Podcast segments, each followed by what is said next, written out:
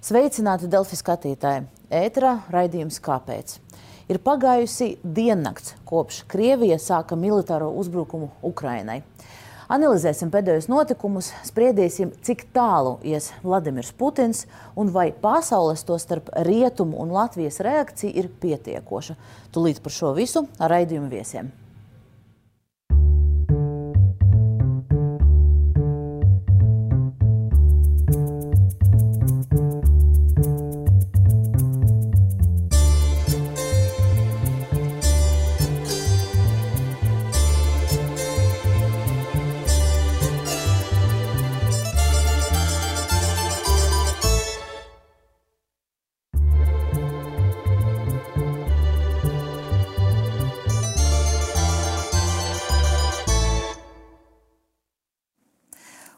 Mūsu šodienas viesi ir Elīna Langi, Ionota Mišvili, NATO strateģiskās komunikācijas centra vecākā eksperta. Sveiki! Labdien!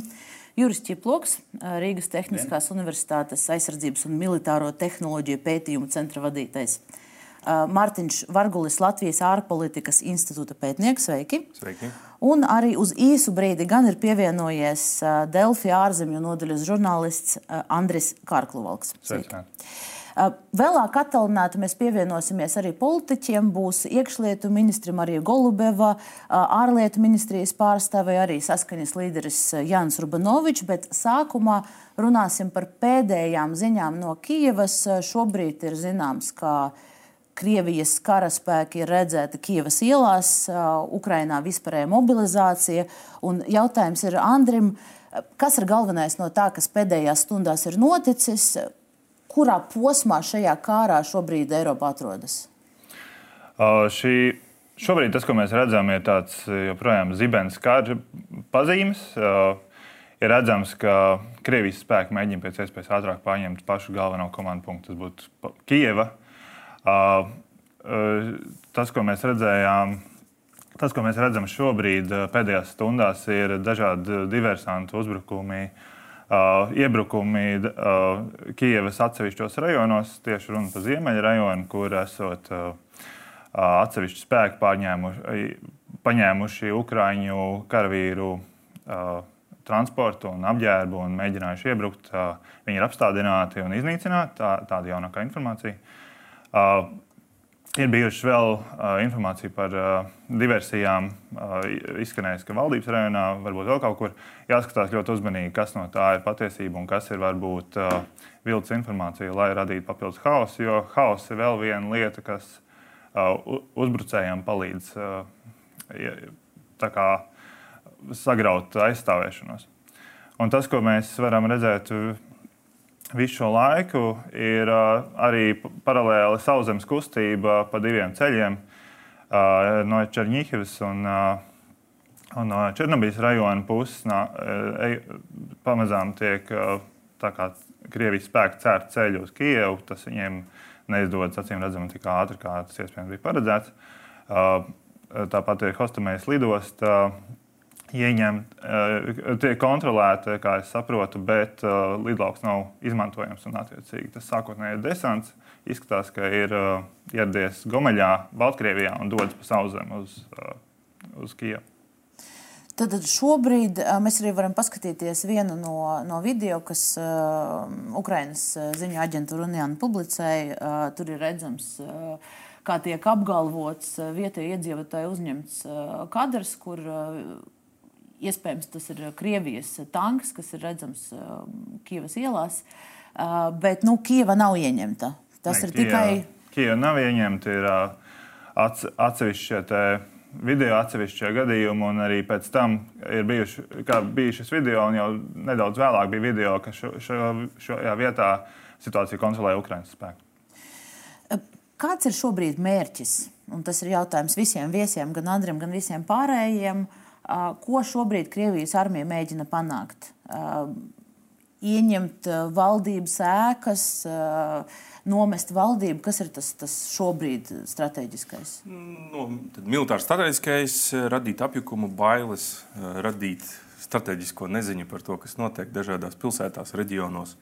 Un tie militārie spēki, kas šobrīd ir, viņi pāriet tādā partizānu kara darbībā. Ko tas nozīmē? Ka, uh, um, dažādos uh, reģionos, vietās vienlaicīgi tiek testētas konkrēto uh, lokālo vienību spējas. Tas, kas ir noticis uh, šīs nakts laikā, jāatzīst, un tā informācija, kas arī pienāk no Ukrainas, ka Ukraiņas darbība ir bijusi pietiekami sekmīga. Vairākas no strateģiskām uh, vietām ir atgūtas uh, vai atsisti šie separatiskie Krievijas spēki. Uh, un, un zināmā mērā ir radīts tāds uh, pretrieciens. Uh, Stratēģiski, ja mēs šobrīd skatāmies, es domāju, tas pamatmērķis ir radīt pastāvošās valsts, valdības Ukrainā darboties nespēju. Vai citiem viesiem ir komentāri? Jo nu, viena no satraucošām ziņām, kas naktī, es domāju, ka daudzus arī skatītājus atturēja no došanās miegā, bija tieši ziņa par to, ka Černobiļas atomelektrostacija ir, ir, ir Krievijas karaspēka kontrolē. Un, Pagaidām viss ir kārtībā, vai, vai šīs ir tāds aspekts, par kuram ir jāpievērš uzmanība turpmāk? Krievijas armijai Ukrainā ir viens vienīgs mērķis nostabilizēt Puķinu varu Krievijā. Tas, ko es esmu redzējis no Krievijas kanāliem, no žurnālistiem, kuri tiek intervētāti Ukraiņas kanālu, ir tas, ka 80% Krievijas tautas atbalsta šobrīd Puķinu. Mēs redzam, protams, tur protestu demonstrācijas, vēl kaut ko, bet pamatmasa atbalsta. Tad viņi savu mērķi pirmo ir sasnieguši. Tas ir strateģiskais. Taktiskie mērķi, nu jā, nu, protams, galvaspilsēta, karoks pacelts, tur rada sēkā un viss pārējais. Nu, tas ir ļoti lētas kino klišejas. Un saprotiet, vienu, nu, Krievija varbūt jau šobrīd ir paziņojusi, ka viņa ir ieņēmusi Kijevu. Tie cilvēki tajā robežas pusē, viņi dzīvo pavisam citā realitātē kurai nav nekā kopīga ar to, kas notiek šeit un kas notiek reālā vidē. Un tas jau tika kultivēts no 2004.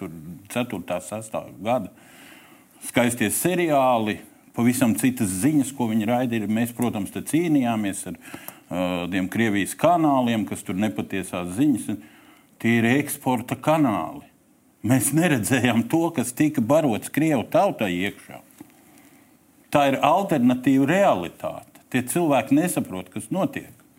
Nu, tagad mērķis ir sasniegts. Nu, jā, nu, iebruktu fašisti. Viņi tur cīnās, tūlīt karogu pacels. Nu, viss skaisti, kino. Līdz brīdim, kamēr pienāks cinka zārki, tad būs par vēlu jau domāt. Jā, paldies. Es, laikam. nu, man šķiet, ka mm, prezidents Putins tajā savā uzrunā, kur viņš paziņoja par kara sākumu, faktiski, viņš teica, ka divi lielie mērķi Krievijai ir Ukraiņas demilitarizācija, eh, kas būtībā nozīmē ko? Nu, ka Ukraina eh, tātad eh, nekādā veidā nepievienosies nekādai militārai aliansei. Un otra lieta - denacifikācija, kas būtībā nozīmē, ka Krievija uzskata šobrīd, šā brīdējo Kievas režīmu par nacistisku, tad režīma nomaiņa un arī attiecīgi režīma atbalstītāju kaut kāda veida ne, neutralizēšana, likvidēšana, tiesāšana, apcietināšana vienalga. E, un, e, lai sasniegtu šos divus mērķus, e, skaidrs, ka ir jābūt kontrolē par Kijevu. Savādāk to nav iespējams izdarīt. Bet nu, šobrīd kontrols par Kijevu nav. Pirms mēs no Andra atvadāmies, ja viņam ir jādodas turpmāk ziņot un sekot līdz notikumiem, ziņot Delfī lasītājiem teksta tiešraidē. Bet, um, Kam mums būtu jāpievērš uzmanība turpmāk? Kādiem atslēgas vārdiem vai, vai, vai kādiem, kādiem notikumiem, lai saprastu, kas notiek šodien, piemēram? Ļoti jā, jāskatās, pārbaudīt, atkārtot, pārbaudīt visas informācijas avotus. Jo, kā jau minēju, tas, kas izskan, kas ir ieņemts, nevienmēr nozīmē ieņemts. Tāpat mums jāskatās līdzi, ka Kijavas ieņemšana tas ir tāds abstrakts jēdziens, vai tas nozīmē šo karogu pacelšanu, vai tas patiešām ir partizānu karš, jo, ko nozīmē režīma maiņa un režīma atbalstītāja esošā. Tā ir demokrātiski ievēlēta, ievēlēta sistēma. Tātad atbalstītāji ir praktiski katrs, katrs kurš iet pa ielu Kijavā šobrīd. Tā kā mums, es domāju, ka Kijavas ieņemšana, tikai karoga pacelšana nebūs uzvara Krievijas pusē. Labi, tad sekosim Delfas tiešraidēji, kur ir pārbaudīti avoti un, un, un zināsim, tad, kas, kas tālāk notiek. Ja mums, ja mums nav skaidrības par avotiem, mēs to uzreiz norādām. Jā. Tātad esam atklāti un ziņojam par to, ko mēs zinām un ko mēs nezinām šobrīd. Un, es gribēju pirms turpināt ar viesiem diskusiju noskatīties kopā video, ko mēs bijām sagatavojuši, kur ir paskaidrots, kā kopumā attīstījās Krievijas agresija pret Ukrainu, jo tas notiek jau gadiem ilgi, un tādu nelielu atgādinājumu mēs esam sagatavojuši. 2013. gada nogalē Ukraiņi izgāja ielās protestējot pret tā brīža prezidenta Viktora Janukoviča centieniem tuvināties Krievijai, nevis Eiropas vērtībām. Eiromaidan protestus mēģināja apspiest ar varu. Bojā gāja vairāk nekā simt cilvēku. Februārī Krīmas pussalā saka parādīties tā sauktie zaļie cilvēciņi, jeb Krievijas armijas militāra personas, un notika tas augtais referendums par Krīmas pievienošanu Krievijai. Līdzīgu scenāriju Krievija 2014. gadā iztenoja arī Ukrainas austrumu reģionos, kur prokremliskie kaujinieki apgalvoja, ka cīnās par Ukrainas neatkarību no Kijavas un nodibināja pašpasludinātas tās augtas tautas republikas. Regulāras apšaudes šajā reģionā notikušas visu šo astoņu gadu garumā, par spīti centieniem uz pamieru Minskas vienošanām. Bojā gājuši vairāk nekā 14,000 cilvēku. Tikmēr Ukraina turpinājusi savus centienus tuvināties Eiropas Savienībai un NATO. Krievija, aizbildinoties ar mācībām, jau pērn pavasarī pakāpeniski sāk pulcēt karaspēku pie Ukrainas robežām.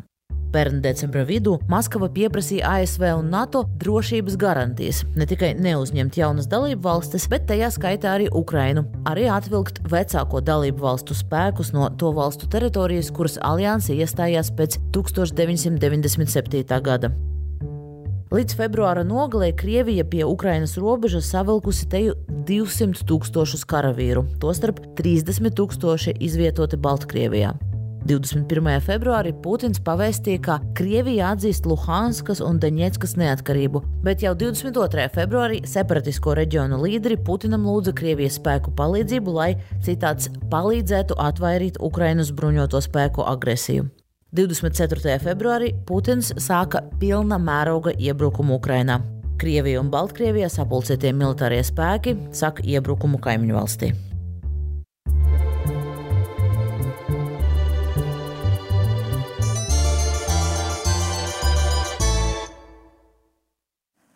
Notiekošais eh, pārsteidza pat eh, pesimistiskākus ekspertus. Um, tik uh, tādas prognozes, ka, ka Krievijas armija ienāktu vai parādītos Kīvā, tiešām nu, nevarēja dzirdēt pat pirms dažām dienām.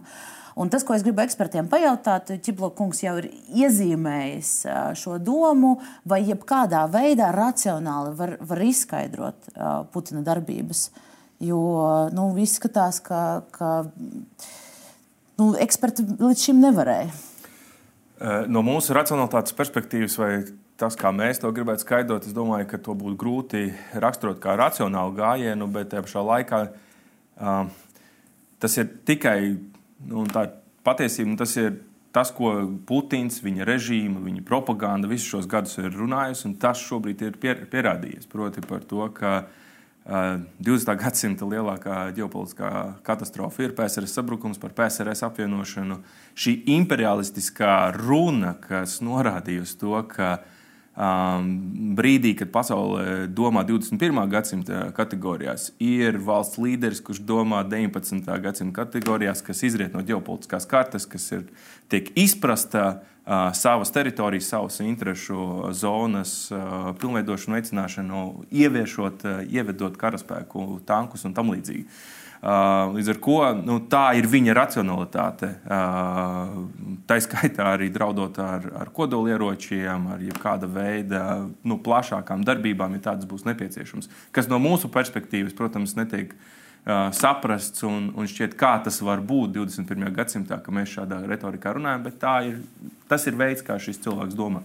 Bet to draudu, kodolkara draudu jūs saklausījāt viņa teiktajā? Kodolkara elements Krievijas militārajā doktrīnā ir bijis klātesošs vienmēr. Jā, mēs varam atgriezties pie tā slavenās Grāsamo doktrīnas, ja, kur no pirmajām stadijām kodola vēstījumi tiek īstenoti, lai atturētu nu, tālāk no pārējos rietumus, no jebkāda veida darbības. Proti, ja jūs kaut ko šeit darīsiet, proti, Ukrainā, kas ir tiek uzskatīta par mūsu interesu zona, atcerieties, ka mums ir kodolieroči. Un atkal šis ir šis jautājums, par ko jūs uzdodat par racionalitāti. Vai mēs tiešām izslēdzam, ka, mm, ka mēs nenonākam, vai nenotrīc roka, vai netiek pielietoti kodolieroči? Atcerēsimies, ka kodolieroči ne tikai strateģiskie, bet arī taktiskie, kas var tikt īstenoti. Ja? Uh, un kas, protams, atkal var eskalēt vēl, vēl tālāk līdz pat strateģiskai katastrofai šo, šo konfliktu. Um, tāpēc šis jautājums par racionalitāti vai, vai, vai tas, kā mēs skatāmies, un tas, kā pretinieks skatās, tās ir divas dažādas pasaules šobrīd. Par tiem taktiskiem kodolieročiem jūs varat īsi paskaidrot, kas tas ir. Varbūt ne visiem ir. ir, ir Taktiskie kodolieroči, proti, vienkārši izsakoties, tas apjoms vai tas mērogs, ko konkrētais ierocis var radīt, nu, teiksim, sekas. Uh, Vai nu tā ir viena pilsēta, valsts vai pat reģions, ja, nu, atkarībā no tā, cik strateģiski ir šie, šie, šie ieroči. Bet tā ir katastrofa, ja tajā brīdī šāda darbība tiek, tiek pielietota. Tas automātiski nozīmē, ka pretējā puse un šajā gadījumā NATO kā, kā militāra, kā kodola alianse noteikti reaģētu, un tas tikai eskalētu, kas nozīmē, ka mēs nonākam līdz lielai ģeopolitiskai katastrofai, pasaules katastrofai kopumā. Līdz ar to it kā vienmēr min šos taktiskos kodolieročus, bet automātiski saprotot, ka tā var būt plaša mēroga eskalācija. Ko saka pārējie viesi, vai šīs ir Putinam uz galda vai viņa mapītē, kur ir scenāriji, šīs tur ir? Nu, viņš jau teica, ka viņa mapītē ir absolūti visi scenāriji, vajadzīgie lēmumi jau ir iepriekš saskaņoti un, un pieņemti, un atliek viņus tikai īstenot. Tā kā katrā ziņā es domāju, šādu iespēju noteikti nevajadzētu izslēgt. Čiplaukungs? Nu, tā nu nav, ka Puķins ir nesaprotams. Viņš ir personīgi man pilnīgi saprotams. Viņš ir mācījies vienā laikā ar mani. Mācījies vienu un to pašu priekšmetu, ko sauc par zinātnisko komunismu. Nu, lasiet, ko saka tā, klasiķi. Lasiet, uh, Mein Kampf, tur viss ir uzrakstīts. Viņš darbojās tieši pēc tā scenārija, kas tur ir uzrakstīts priekšā. Tur nekā jauna nav. Un saprotiet vienu, viņš grib iet vēsturē. Viņš jau ir vēsturē, tagad ar Krīmu, ar, ar, ar nu, Donbasu. Tas, tas vēl neko nenozīmē. Viņa izpratnē, iet vēsturē, tas nozīmē radīt maksimālu lietu līķu kalnu. Un viņam ir viena alga, tie ir krievi, ukrāņi, baltkrievi, latvieši, lietuvieši. Tam kalnam ir jābūt pietiekami augstam, lai viņš tur augšā gozētos. Jo nu, es domāju, ka jūs saprotat, vairāk vai mazāk ar viņu ir cauri. Nu, viss. Nu, mums jau vairs nav jāspriež, kas notiks Ukrajinā. Nu, tas būs Krievijas zaudējums. Vai tas notiks pēc mēneša vai pēc gada, tas ir viņu zaudējums. Tā ir uh, nu, saka, pazemojums nacionālais, kas būs. Tā ir sasista sila, pie kura viņi sēdēs, tā ir sagrauta ekonomika. Tas ir viss. Šajā gadījumā jautājums ir viens. Tas, kā ar Krieviju cauri, tas ir viennozīmīgi kas notiks ar Eiropas Savienību. Man šķiet, ka tur ir tas elements, ka e, Eiropā karš un pasaulē nedod dievs kodolkarš. Tās ir nu, tādas aizliegtās tēmas. Visiem ir skaidrs, ka tas ir pats pēdējais, e, pie kā mēs gribētu nonākt. Savukārt no tā, e, kā ir rīkojusies Krievijas federācija, e, un kāda ir bijusi šī retorika, tas viss ir gājis tikai vienā virzienā. Jo mēs atceramies jau, kā Kisiļevs eh, mums jau 14. gadā eh, stāstīja par to, kā dažās minūtēs var eh, Savienotās valsts pārvērst radioaktīvajos pelnos. Tātad tur ir šīs divas pilnīgi pretējās pasaules uztvers, un ja rietumi, teiksim, demokrātiskie darīs visu, lai nenonāktu līdz militāram konfliktam un nedod Dievs vēl šai eskalācijai ar atomieročiem, tad no Krievijas puses mēs šādas zīmes, teiksim, neredzam. Līdz ar to mm, tur ir jāsaprot, ka nu, tā attieksme un tā loģika ir pilnīgi cita. Tas, ko man šķiet, ir svarīgi arī apspriest, vai, vai Vladimirs Putins uh, apstāsies uh, uh, Ukraiņas ietvaros, vai viņa ambīcijas uh, ir, ir, ir plašākas. Un te es gribu uh, parādīt nelielu intervijas fragment, kas izskanēja vakar kolēģiem Latvijas televīzijā ēterā. Uh, ārlietu ministrs Edgars Sinkevičs ir izteicies par to, kas notiks, ja Putinu šobrīd neapturēs. Bet mana pārliecība ir absolūti stingra. Ja šobrīd Krievija netiks attiecīgi apturēt visiem līdzekļiem, tad Krievija neapstāsies. Jā, mēs esam drošībā. Jā, mums ir NATO 5. pāns. Jā, mēs esam Eiropas Savienībā. Bet vēl ir Kazahstāna, vēl ir Moldova, vēl ir Kaukās, tātad Gruzija, kaut kur arī Azerbaidžāna. Realistisks scenārijs arī. Jūsuprāt? Es tieši vakar ar šo nodarbojos, prātojot pie sevis, nu, kā, ko es darītu, ja es būtu Vladimirs Putins šobrīd. Un, piemēram, mums ir brīnišķīgs, Grūzijai ārkārtīgi svarīgs gan ekonomisks, gan militārs strateģisks objekts - Anaklijas dziļa, dziļjūras osta. Un tā atrodas tikai dažus kilometrus no okupētās Abhāzijas robežas. Un pie šobrīd notiekošā, nu, Piemēram, kāpēc gan pie vienām sāpēm skandāls tāpat ir, kāpēc nepabīdīt robežu vēl pa dažiem kilometriem, kas tāpat katru gadu tiek darīts. Es domāju, ka nu, tiešām uz šo ir jāskatās plašāk. Eh, jo arī eh, skaidrs jau tagad ir tas, ka Ukrainā šis neapstāsies pie Luganskas un, un Doņetskas. Nu, tad, jau, eh, kāpēc jau, jau gan nav apstājies? Jā. jā, tieši tā. Uh, Grūzija, Azerbaidžana, Armēnija, Moldova, Eh, varbūt nākamie, eh, nākamā, nākamās valsts, nu, tas, kas jau šobrīd ir jāatzīst, Baltkrievija ir zaudējusi savu suverenitāti, neatkarību. Tā, tas, cik uh, viegli, ātri caur Baltkrieviju tika nosūtīti spēki uz, uz Ukraiņas robežu, tas liecina par to, ka tās pozīcijas pilnībā atdodas un to, ko teiks Kremlī, tās uzreiz tiks īstenotas. Es teiktu, pat, pats galvenais jautājums šobrīd ir, vai tas apstāsies, un, un šī apetīte nav testēta vienā brīdī arī NATO. Un līdz ar to tieši tāpēc šajā brīdī skaidri vēstījumi, kas izpaužās kā, kā darbos, tā arī vārdos, ir ļoti svarīgi, stingri nosodot un arī nu, stiprinot mūsu Baltijas valstu un vispār austrumu flanga robežu. Tas ir ļoti svarīgi, jo Kremlis un īpaši Vladimirs Putins saprot spēku un varas pozīcijas. Parādot spēku, tas ir vienīgais veids, kā jūs varat atturēt šādu pretinieku. Par rietumu un visas pasaules atbildi mēs noteikti runāsim mazliet vēlāk, bet pirms mēs pievērsīsimies šim tematam, es gribēju noslēgt to Krievijas iekš, iekšpolitikas sadaļu. Un, daudziem šobrīd ir jautājums, vai Putinu neapturēs viņa tauta jo Čiplo kungs pieminēja nozombētos Krievijas propagandas kanālu skatītājus. Arī tagad nesen tā saucamo LNR un DNR atzīšanu pēc oficiāliem datiem ir atbalstījuši 73% Krievijas pilsoņu. Bet uh, mēs esam pirms raidījuma parunājuši ar uh, mediju Medūza galveno redaktoru Galinu Čimčenko un prasījām viņai, vai viņa uzticās šīm aptaujām, vai tiešām uh, Krievijas pilsoņi atbalsta Putina rīcību. Un lūk, ko viņa teica. Если этот опрос проводится очно, представляете, что вы сидите дома, раздается звонок в дверь, и там стоят два или три человека с папочками, которые знают ваш адрес, которые знают, как вас зовут, и задает вам вопрос, вы за Путина или, или против? Что вы предпочтете сказать? Да, и захлопнуть дверь, чтобы просто забыть. Потом за последнее время репрессии в России действительно очень расширились. Людей задерживают по самым выдуманным поводам. Mēs varam arī, uh, jā, lūdzu, jūs gribētu komentēt. Es, es uzreiz uh, daudz analītiķu to norāda, un es tam slēgtos piekrist, ka lielākā atturēšana šobrīd notiktu tajā brīdī, ja Maskavā, lielākajās Krievijas pilsētās būtu ļoti plaša mēroga protesti.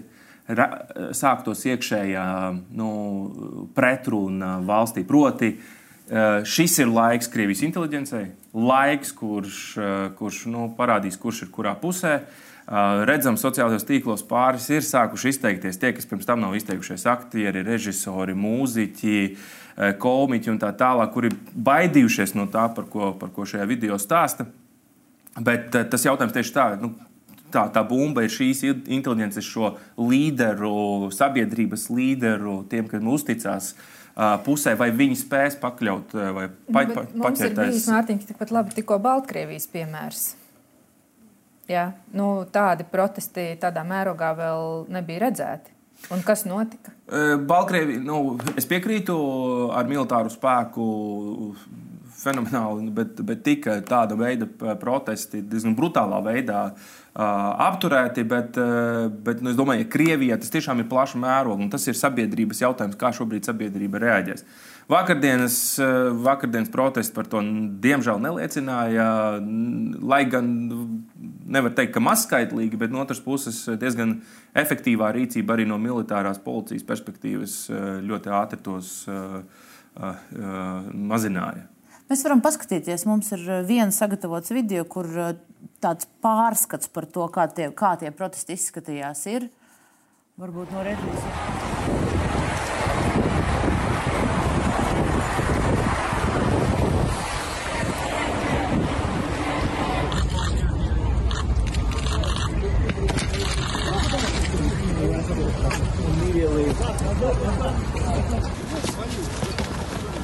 Нет, войне!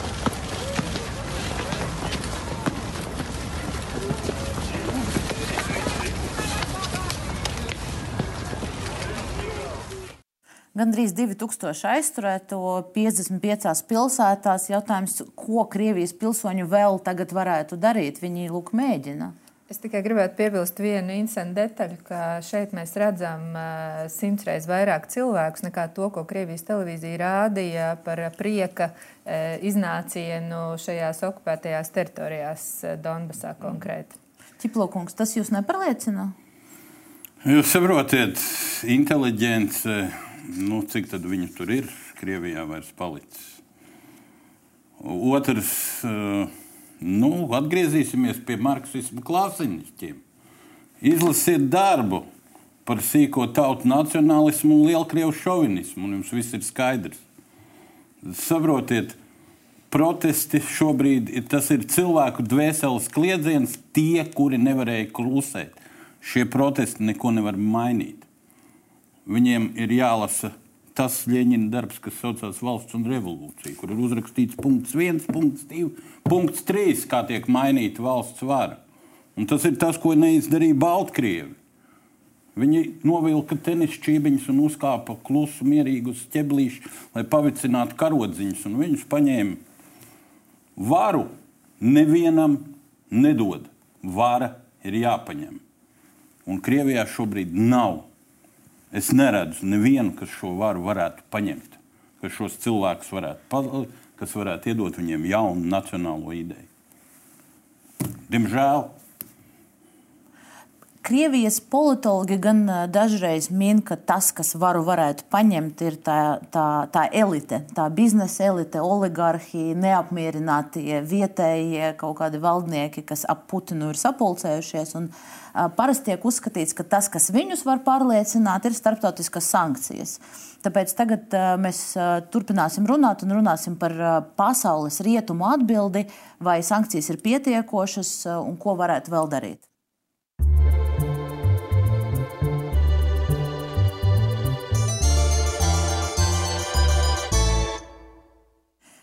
Mums attālināti ir pievienojusies ārlietu ministrijas parlamentārā sekretāra Zanda Kalniņa Lukaševica.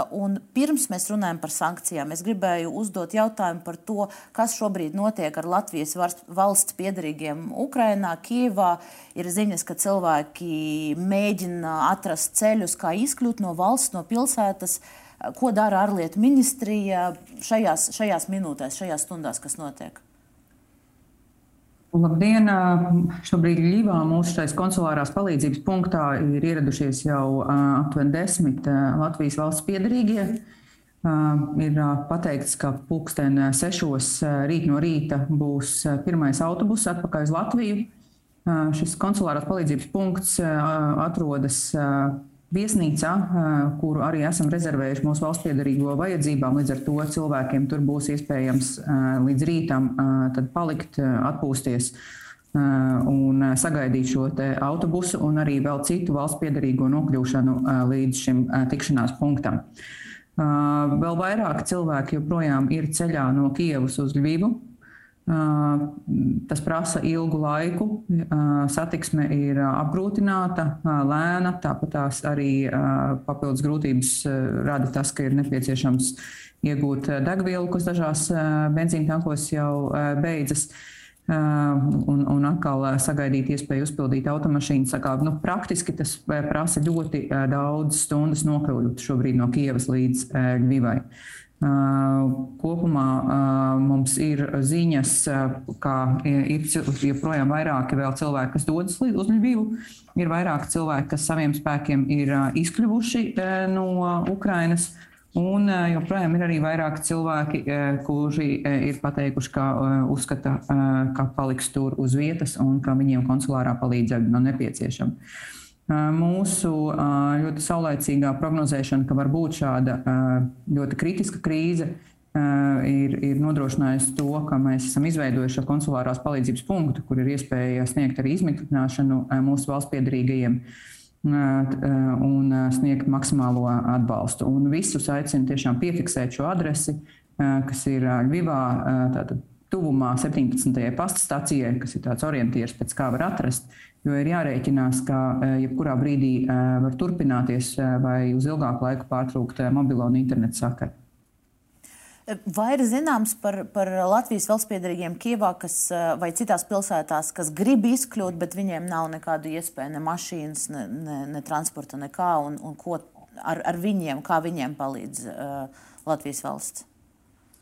Tie cilvēki, kas mums ir sazinājušies, nu, meklē šobrīd pašu iespējas nokļūt līdz Ļuvivai.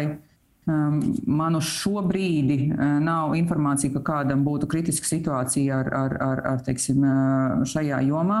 Vienlaikus mēs esam jau teikuši, ka mēs nevaram nodrošināt satiksmi līdz Ļuvivai šo transportu. Un ir jāsaka, ka nu, mēs tiešām ļoti uh, uzstājīgi, pat jau divu nedēļu garumā informējām uh, mūsu pilsoņus, četreiz sūtījām īsiņas, uh, mudinot uh, pamest uh, Ukrainu.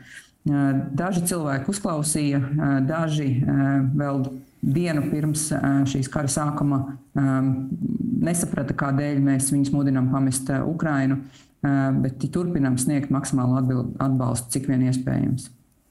Un tad, tagad par sankcijām tikko ir pienākusi ziņa par to, ka ārlietu ministrs ir paziņojis, ka tiek gatavota trešā sankciju pakete un ka uh, Krievija ir veikusi kara noziegumu. Vai ir zināms, kas tajā trešajā sankciju paketē būs? Jo šobrīd ir diezgan plašas šīs sankcijas, bet joprojām tur nav daži izlēmīgi soļi. Uh, joprojām. Kas, kas ir tajā trešajā paketē? Vai mēs zinām? Tātad vakar naktī notika Eiropadomas sanāksme. Valstu un valdību vadītāji vienojās politiski par šo sankciju paketi, kura iekļauj eksporta aizliegumus, plašas sankcijas finanšu sektorā, ierobežojums piekļūšanai finansēm, arī bankas sankcionēts arī privātpersonas tas, eh, un šī pakotne juridiski eh, līdz galam ir eh, jāapstiprina, un tas notiks šodien ārlietu padomas laikā, kas notiks trijos pēc Briseles laika, tātad četros pēc Latvijas laika. Šajā uh, pakotnē vēl nav uh, tādas uh, ierobežojumi kā Krievijas atslēgšana, piemēram, no SWIFT.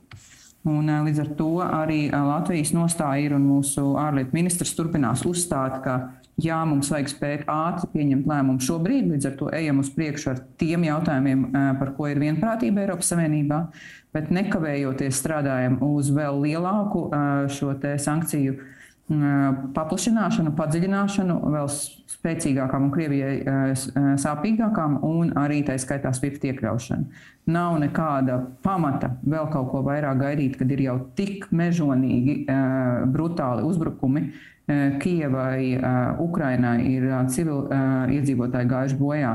Tas ir kara noziegums, ko šobrīd Krievija veids.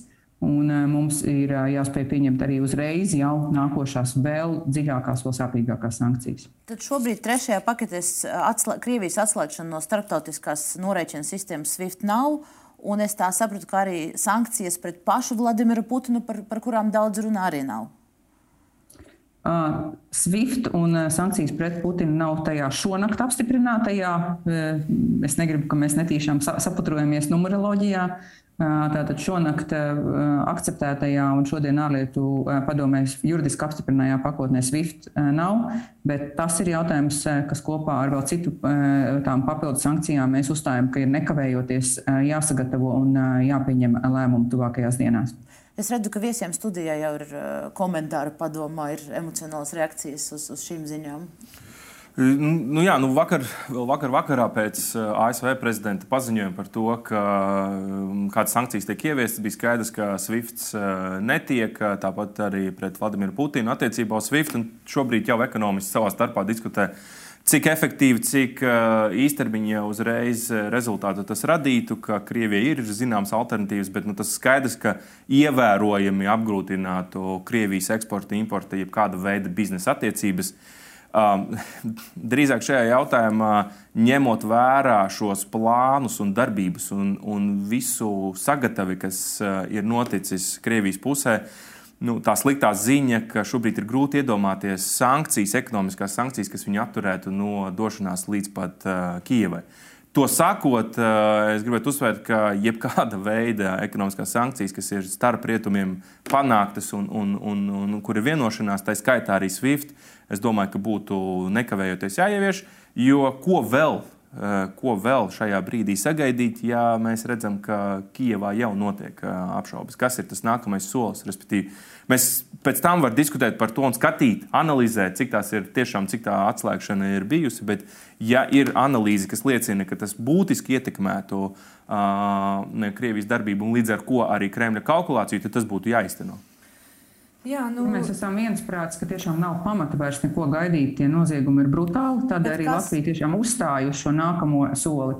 Un um, šobrīd, redzot, cik neracionāls ir uh, Putins uh, un uh, Krievijas agresija, visticamāk šis sankciju solis viņus neapturēs, bet mums ir jāliek masīvas sankcijas arī uz Krievijas ekonomiku, lai bremzētu viņu militārā potenciālā attīstību un atjaunošanu un lai bremzētu Krievijas ekonomiku. Diemžēl mēs redzam, ka šī kritiskā situācija nebeigsies vienā dienā. Mums ir jāskatās arī uz tādu vidēja termiņa un ilgtermiņa pamatīgu ietekmi uz Krievijas ekonomisko un militārā potenciāla attīstības bremzēšanu. Jā, nu šajā kontekstā es tikai gribētu piebilst, ka, protams, viens no Putina mērķiem visus šos gadus ir bijis šķelt Eiropu.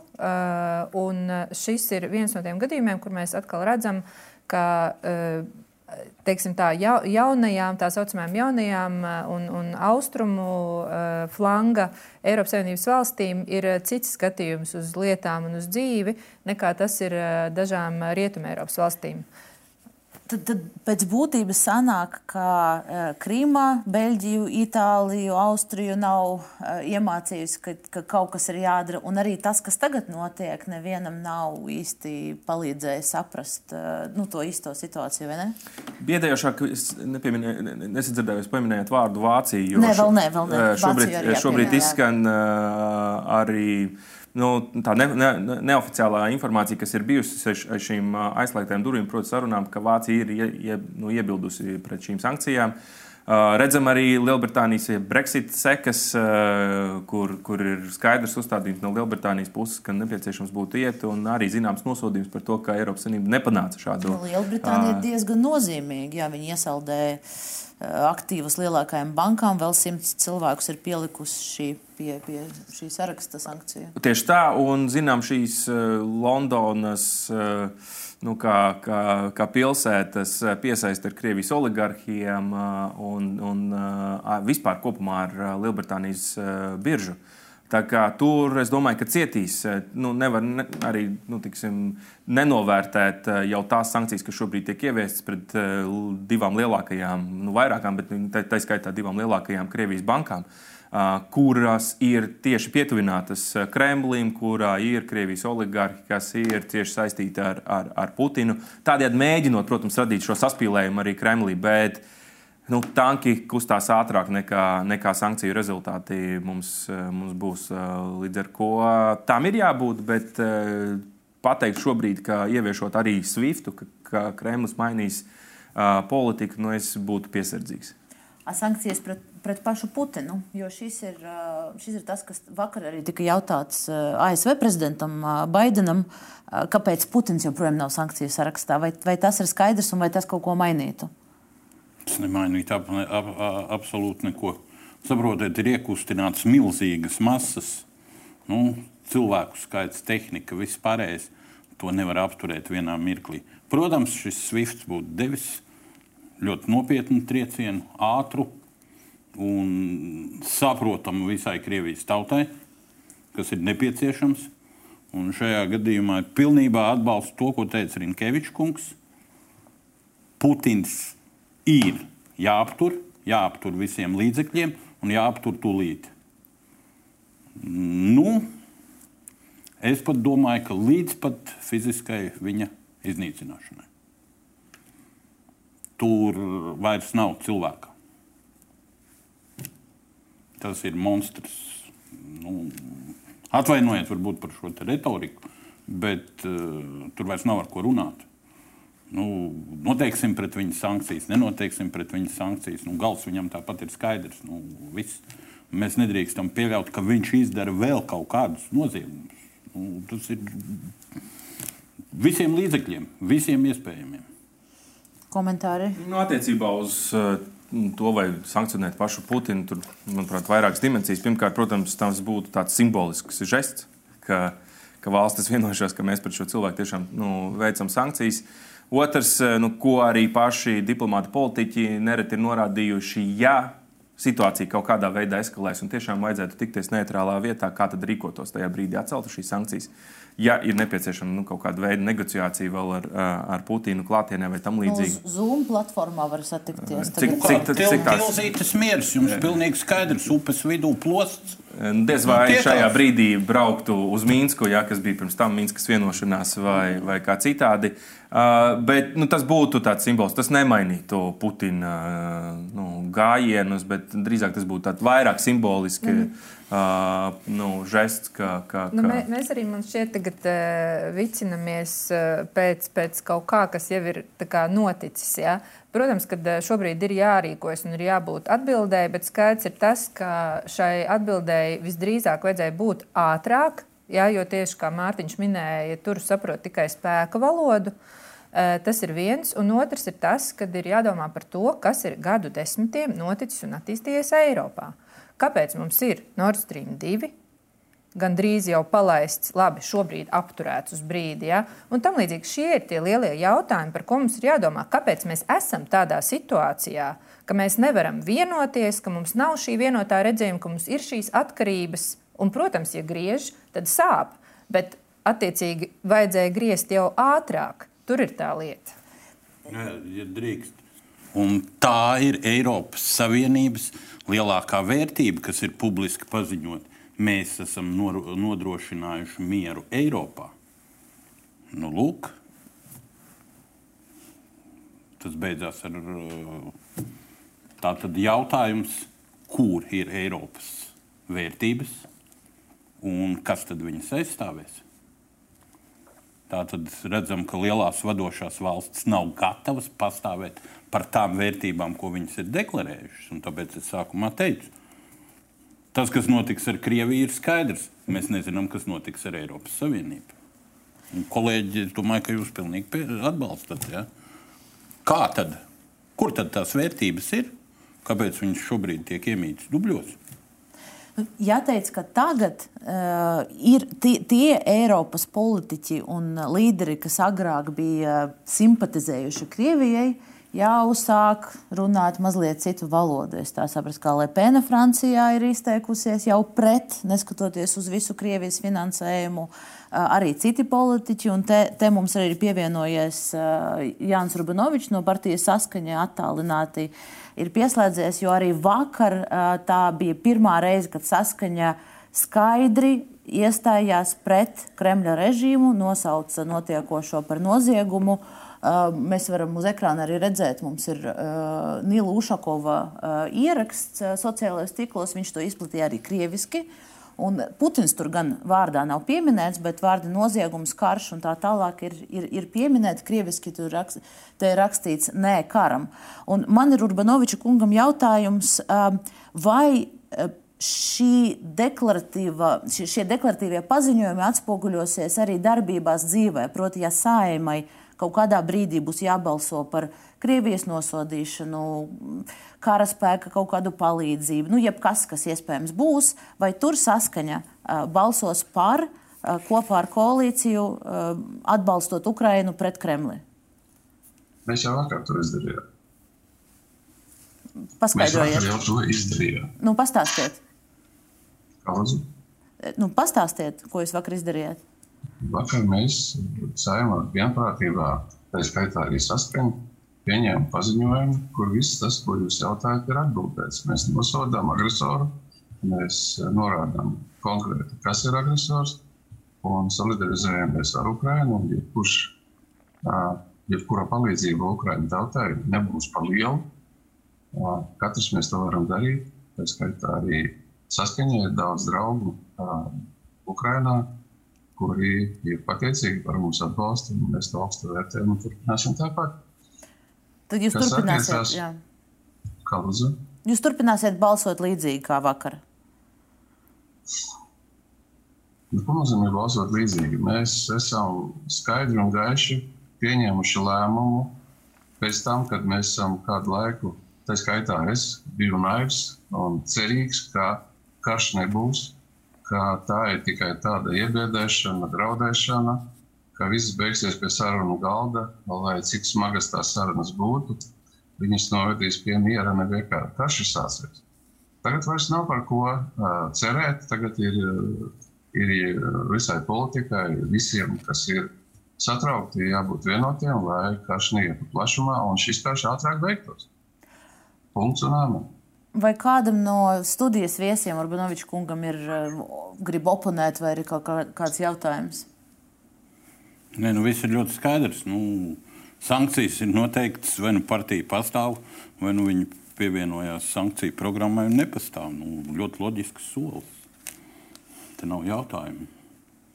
Nu, no manas puses vienīgais jautājums ir iespējams. Um, Jūs teicat, ka jūs bijat naivs un ticējat, ka kara nebūs. Bet nu, pēc būtības šis jau nav pirmais starptautisko tiesību pārkāpums no Krievijas puses. Uh, Grūzija, Krīma, uh, Donbasa. Tā, uh, tas viss jau ir bijis. Kas liedz saskaņai agrāk ieraudzīt to, ko, ko jūs tagad ieraudzījāt? Es nevaru jums piekrist, izņemot vēsturisko notikumu par PSRS un Somijas karu. Visi jums, uh, ko, jūs nepieminējat, bet tie Abhāzijas, Grūzijas un arī 14. gada notikumi ir uh, citās niansēs un, uh, un, un citos cēloņu sakarībās teiksim, iepīti. Šeit gan nekādu ilūziju un cerību vairs nav. Ir viena valsts uzbrukusi otrai valstī. Ja? Mēs varētu mēģināt kaut ko iedomāties pozitīvāku, iepratim vērtējot Krievijas varas politiku, ja viņi būtu tur nākuši talkā tām nu, nezinu, zemesardzes vai kā tās vienības, kas ir Luhanskas un Doņetskas republikās, bet tā kā viņi ir izvērsuši pilnu, pilnīgu konvencionālu lielu uzbrukumu. Šeit vairs nav, nepastāv nekādas uh, iespējas nu, izd, izdomāt, kaut, izdomāt kaut kādu advokatēšanas iespēju. Es gribu teikt, tā, nu, saskaņā ir ļoti dažāda, tāpat kā visa Latvija ir dažāda. Ja? Un mēs esam liela partija, un mums ir tādi, kas pēc vakardienas un aizvakardienas manu un mūsu paziņojumu sērijas atstāja mūsu partiju. Ir tādi, kas dzīvo Krievijas televizorā un viņi fano par to stāstu, ko, kas viņiem tiek prezentēts. Viņi uzskata, ka mana rīcība ir nodevība, bet es gribu teikt, drīzāk ne jums, bet viņiem, ja viņi šeit skatās. Redziet, nu, ir brīži, kad, kad klusēšana ir sliktāka par muļķību un nodevību. Šajā brīdī, nepasakot to, ko mēs pateicām, ir zaudēt jebkādas tiesības uz politisku pārstāvību tos, kas arī kaut vai mūs arī nosoda. Mans mērķis ir uh, realizēt politiku Latvijā, aizstāvot tos, kas mums uzticās, un, un starp tiem ir daudz, kas mājās runā Krievu valodā, kas ir piederīgi pie lielās krievu kultūras. Daļēji arī es tāds esmu. Un es uzskatu, ka tiesības pārstāvēt viņus un rūpēties par viņiem un aizstāvēt pēc dažādām insinuācijām, provokācijām, kas pašreiz ir visticamāk arī būs un ies plašumā, var tikai caur šādu publisku, tiešu, nepārprotamu soli. To es esmu izdarījis.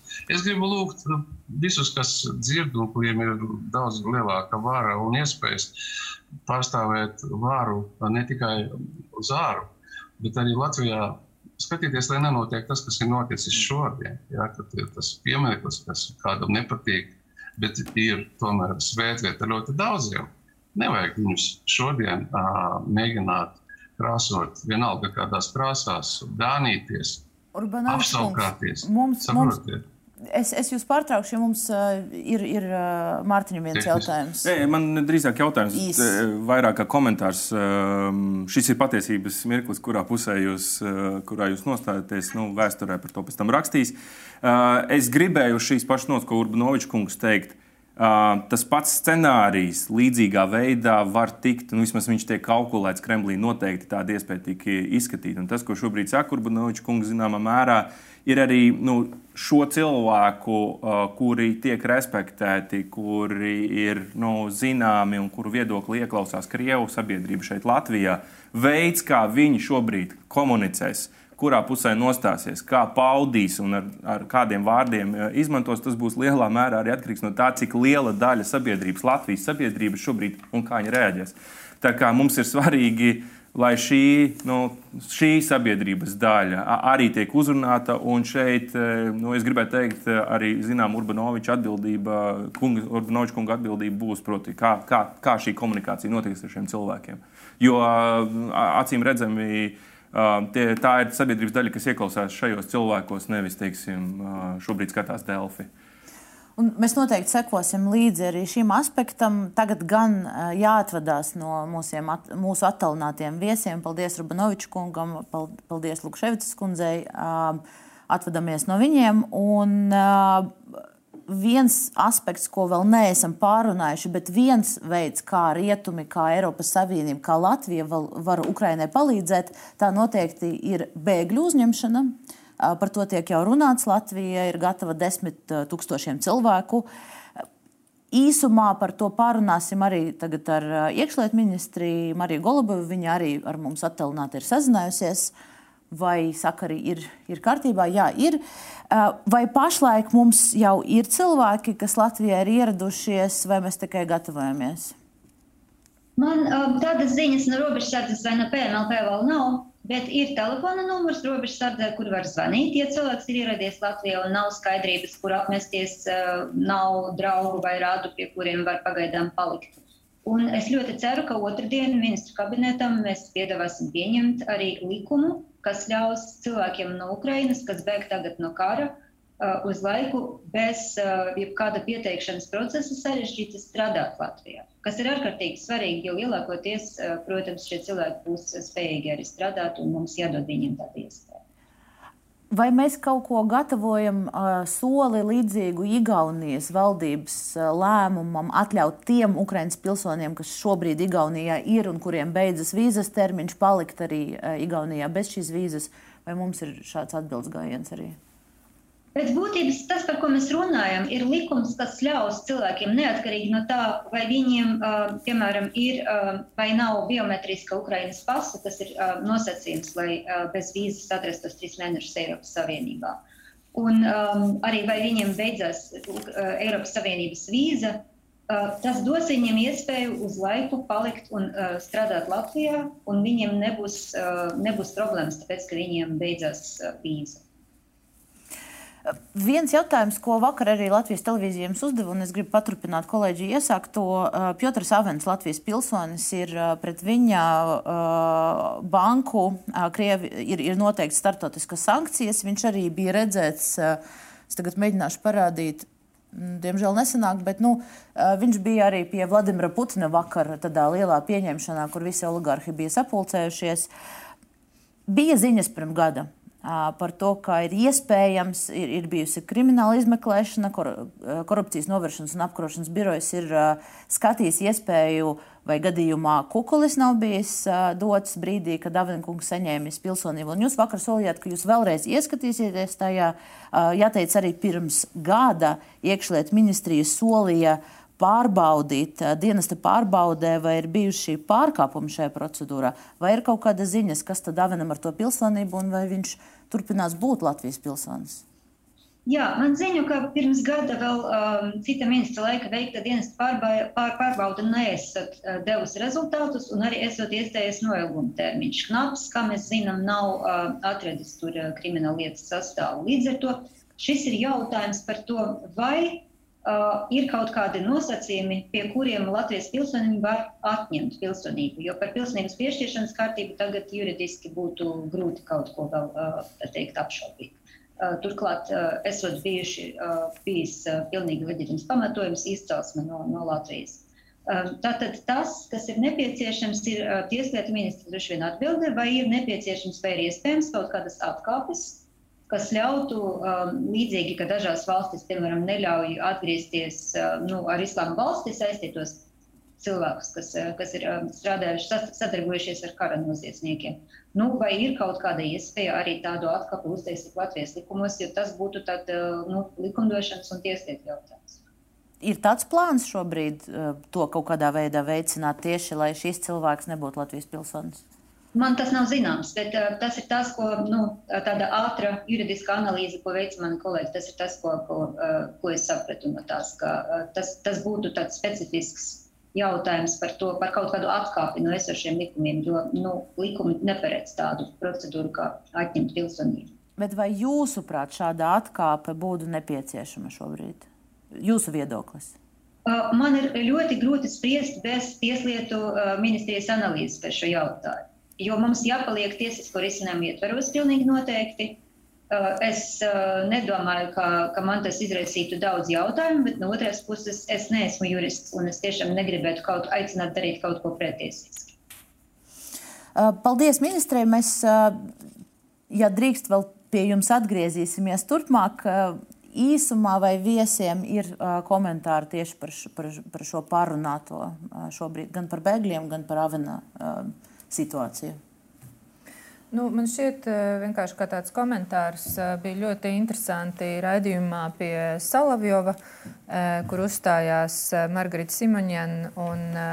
Viņa teica, ka šī bēgļu uzņemšana no Doņetskas, Krievijas teritorijā, parāda, tā, tā ir izdevība Krievijas tautai parādīt to, kādi mēs patiesībā esam. Uh, un uh, es domāju, ka tas, uh, cik izlēmīgi un palīdzīgi un atvērti mēs būsim ne tikai valsts struktūru ietvaros, kā šo risinās ministrijas un tam līdzīgi, bet arī mēs kā cilvēki. Tas tiešām parādīs to, kas mēs esam un par ko mēs stāvam. Es domāju, tas būs ļoti svarīgi redzēt, kā tieši sabiedrība rīkosies un reaģēs uz to, Uh, un mēs esam redzējuši ne tikai protestus, bet mēs redzam arī ziedojumu vākšanu un tam līdzīgi. Un, manuprāt, tas ir ārkārtīgi svarīgi, ka mēs ne tikai šajā valdības un valsts iestāžu līmenī to redzam, bet arī sabiedrības līmenī. Nu, pavisam noteikti. Ļoti, ļoti īsi palūkšu. Uh, ja īsi tad par Avenu, uh, es domāju, ka, protams, mēs esam tiesiska valsts, bet būtu grūti iedomāties, ka uh, Lielbritānija ievieš sankcijas pret, pret personu, un mēs nevaram atrast tiesisko regulējumu. Tā kā es domāju, tam ir jābūt steidzam. Un šīs situācija, kā jūs jau minējāt, jau, jau pirms gada ir bijusi aktuāla. Paldies! Es pateikšu, ka šis raidījums tiek parādīts arī RTV ēterā, un tas uzliek mums striktus laika rāmjus. Tāpēc šobrīd ar RTV skatītājiem es atvadīšos, pateikšos viesiem, un turpmāk Delfa ēterā mēs vēl turpināsim runāt. Es domāju, ka mēs varam pāriet arī pie situācijas Latvijā. Mēs jau runājam par bēgļiem, bet kopumā kā šis viss ietekmēs mūsu, mūsu dzīvi un mūsu drošību. Nu, redziet, mēs runājam par bēgļiem, respektīvi par virzienu no Ukrainas uz Latviju. Bet, ziniet, ir cilvēki, kas dodas arī pretējā virzienā. No Latvijas uz Ukrajinu un dodas šobrīd karot? Vai, nu, vai kas, ir, kas ir tas, ko es gribu pateikt? Tie ir Ukrāņi, Ukrāņi cilvēki, kas dodas aizstāvēt dzimteni.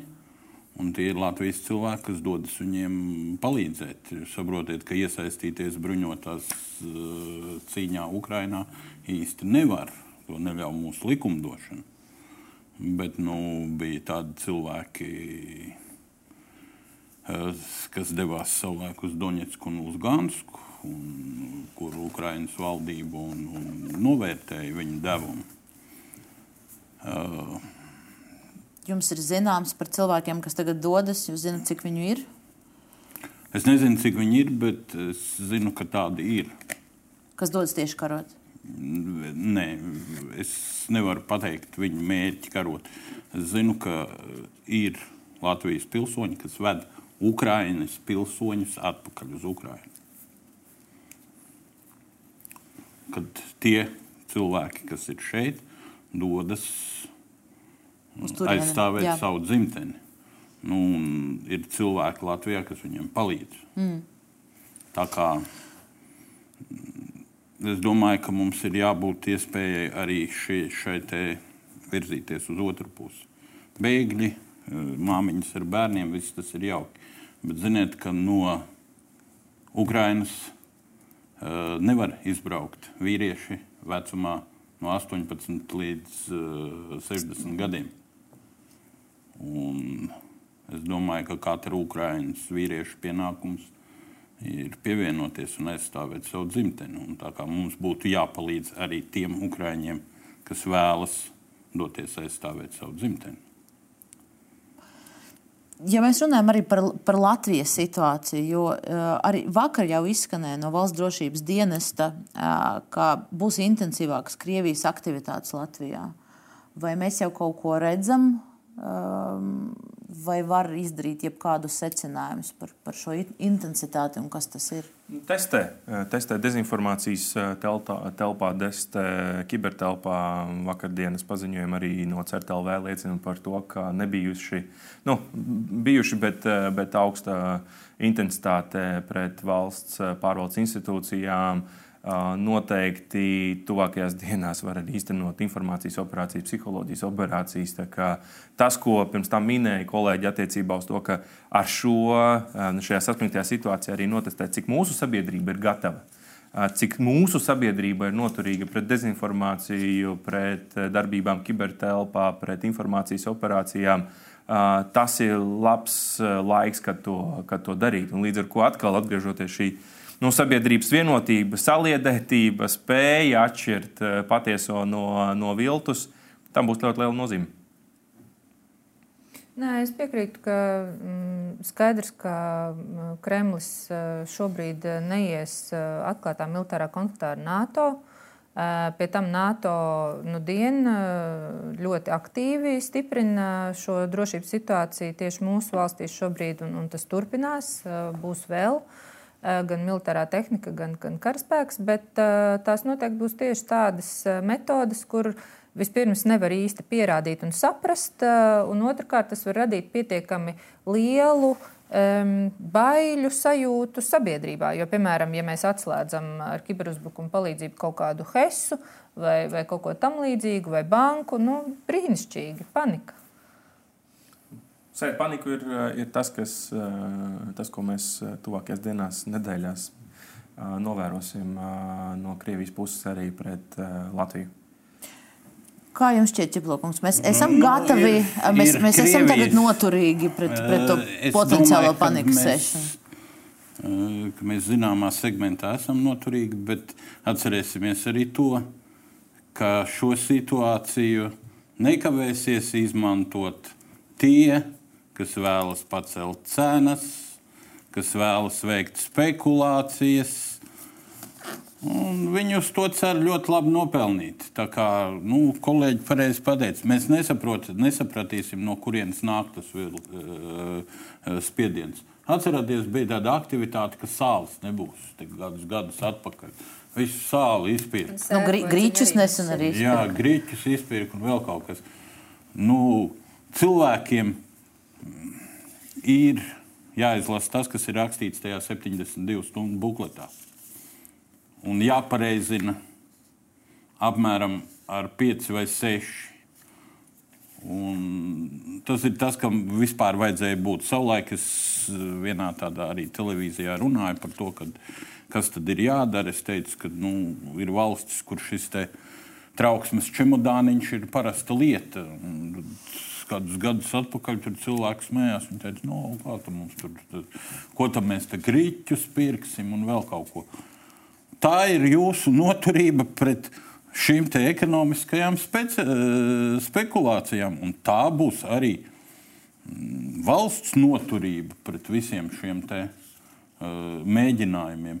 Nu, katram verbālam vai kiberuzbrukumam ir kaut kāds mērķis, un mērķis ir izraisīt ekonomiskas sekas.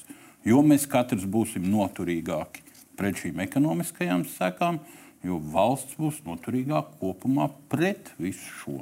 Tāds mans domas, es nezinu, kolēģiem varbūt tās. Tātad jāizlasa 72 stundu buklets. Uh, ir, ir, ir, ir vēl kaut kas, jo uh, arī mums Delfi, Delfi ētera raidi, uh, laiks eh, tuvojas beigām, bet, bet um, vēl ir kaut kas, ko, ko mēs visi tagad, zinot šo situāciju, eh, mēs pārunājam par to, ka ir jāsaka uzticamiem avotiem. Nevajadzētu krist panikā pie kaut kādām ziņām par, par, par to, kas notiek Ukrajinā, un viss jāpārbauda. Uh, vēl kaut kas, ko mēs visi tagad varam darīt. Nu, saglabāt mieru, es gribētu teikt.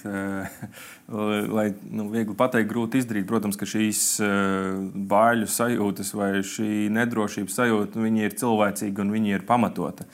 No otras puses, es gribētu ienest mūsu diskusijā arī nedaudz to, to NATO dimensiju. Jāatzīst, ka NATO ir reaģējusi ļoti ātri. NATO darbības no pirmās uh, konflikta minūtes, kas attiecās uz Baltijas valstu drošību, tad tie soļi ir bijuši skaidri. Mēs redzam, ka arī ASV nosūtīs papildus 7000 karavīrus uz Eiropu. Nav varbūt tik, tik liela tā nozīme šiem skaitļiem. Arī pie mums būs ASV amerikāņi, papildus kanādas amerikāņi, bet tas, ka tā solidaritāte, ka tā izpratne ir klātesoša, ka šeit, ka šeit būs sabiedroto spēki un, ja nepieciešams, reaģēs. Un atgriežoties atkal pie šīs spēka un varas izpausmes, nu, šādi soļi ļoti svarīgi. To noteikti, uz to noteikti skatās Kremlī, un, un tas veicina mūsu drošību. NATO ir, ir klātesoši vakardienas paziņojumi par to, ka tiek iedarbināti arī aizsardzības plāni austrumu flangam, ir ļoti nozīmīgs solis. Un kur ir bijusi vienprātība attiecībā pret sankciju diskusiju, ja šeit ir bijusi pilnīga vienprātība. Tas nozīmē, ka spēku gatavība tiek celta un nepieciešams gadījumā tā ļoti var tik ātri nosūtīt uz Baltijas valstīm, ja, kas ir atturēšanas elements jebkādam agresoram. Līdz ar to mēs esam NATO dalībvalsts, mēs esam piektā panta dalībvalsts, un, un, un tas ir mūsu drošības garants. Bet to sakot, mūsu pašu individuālā noturība, valsts spējas, valsts aizsardzības spējas stiprināšana, sevišķi kritisko spēju pirmo stundu kontekstā, uh, tas ir jāturpina stiprināt šodien un nākamos, nākamos gadus. Un vēl tāds, manuprāt, ļoti svarīgs jautājums, kam tagad vēl ir vēl jo lielāks pamats viņu aktualizēt un virzīt ātrāk, ir tieši šī enerģētiskā neatkarība. Un ne tikai Latvijas, bet arī visas Eiropas kontekstā. Tas ir ārkārtīgi svarīgs jautājums, lai vēsture neatkārtotos. Nu, tagad ir paziņots, ka mēs Latvijai iepirka papildus uh, divas teravatstundas sašķidrināts gā, uh, dabas gāzes. 90 dienā mums tagad ir degvielas rezerves. Šīs ir pietiekoši, vai vajag vēl kaut ko darīt? Uh, ilgtermiņā skaidrs ir, ir kaut kādā veidā jāatsvešanās no Krievijas. Tas nevienam vairs nav, tas vairs nav debatas jautājums. Pat, nu, bet, bet, redziet, bet, tas bet ir īsti... debatas jautājums Vācijā, jo Vācijas pilsoņi šobrīd nav apmierināti ar faktu, ka Nord Stream 2 tiek apturēts, ka potenciāli pieaugs gāzes cenas. Tas ir jautājums. Bet ko mēs Latvijā varam tagad darīt? Ja mēs skatāmies uz šīm rezervēm īstermiņā, vai, mums, vai, vai mūsu valdība šobrīd uh, rīkojas pietiekoši, vai vēl viņiem vajadzētu kaut ko darīt? Ne, tā, tā informācija, kas vakar um, tika um, nu, sniegta gan no ekonomikas ministra, gan arī no premjerministra attiecībā uz to, ja gadījumā atceļ vai, vai no, nogriež krānu attiecībā uz gāzes piegādi, ka mums pietiek uh, šai ziemai noteikti. Um, bet eh, tas ir tieši tā par ilgtermiņu. Un, un mēs, eh, tas lielākais risks, ka šīs uh, jautājums netiks atrisināts, ka mēs, ja situācija pēkšņi uzlabojas, par ko maz ticams, vai ne, ka atkal mēs par to būsim padiskutējuši un mēs teiksim, ka tā ir mūsu lielākā kritiskā, ka tas ir mūsu lielākais kritiskais punkts, bet simtprocentīga atkarība no gāzes turpināsies. Um, tiem plāniem un tiem darbībai jābūt atkal šodien. Ja? Kas, kā, mēs, kā mēs šo diversificējam, kā mēs ejam uz to, par ko ir runāts jau gadiem ilgi, bet nu, redzam, ka praktiskās darbības tieši šajā konkrētajā jomā nu, nav. Nu, arī tajā mediju diskursā tur nevar pieļaut atslābumu tieši tajā jautājumā. Mājas darbs tad mēdījiem, mājas darbs valdībai. Par to, kā jārīkojas sabiedrībai, to mēs pārunājām. Un līdz ar šo ir laiks atvadīties no skatītājiem. Paldies viesiem, paldies arī skatītājiem, kā sekojāt līdzi šai diskusijai un kopumā Delfija ēteram. Mēs turpināsim ziņot par notikumiem Ukrajinā, pasaulē, un Delfija TV atgriezīsies ēterā četros. Spriedīsim par to, kas, kas šajās stundās ir noticis Kievā, kas ir noticis Ukrajinā, kāda ir bijusi pasaules reakcija. Noteikti arī Latvijas politiķu reakcija sekos. Paldies viesiem, paldies skatītājiem. Tiekamies drīzumā!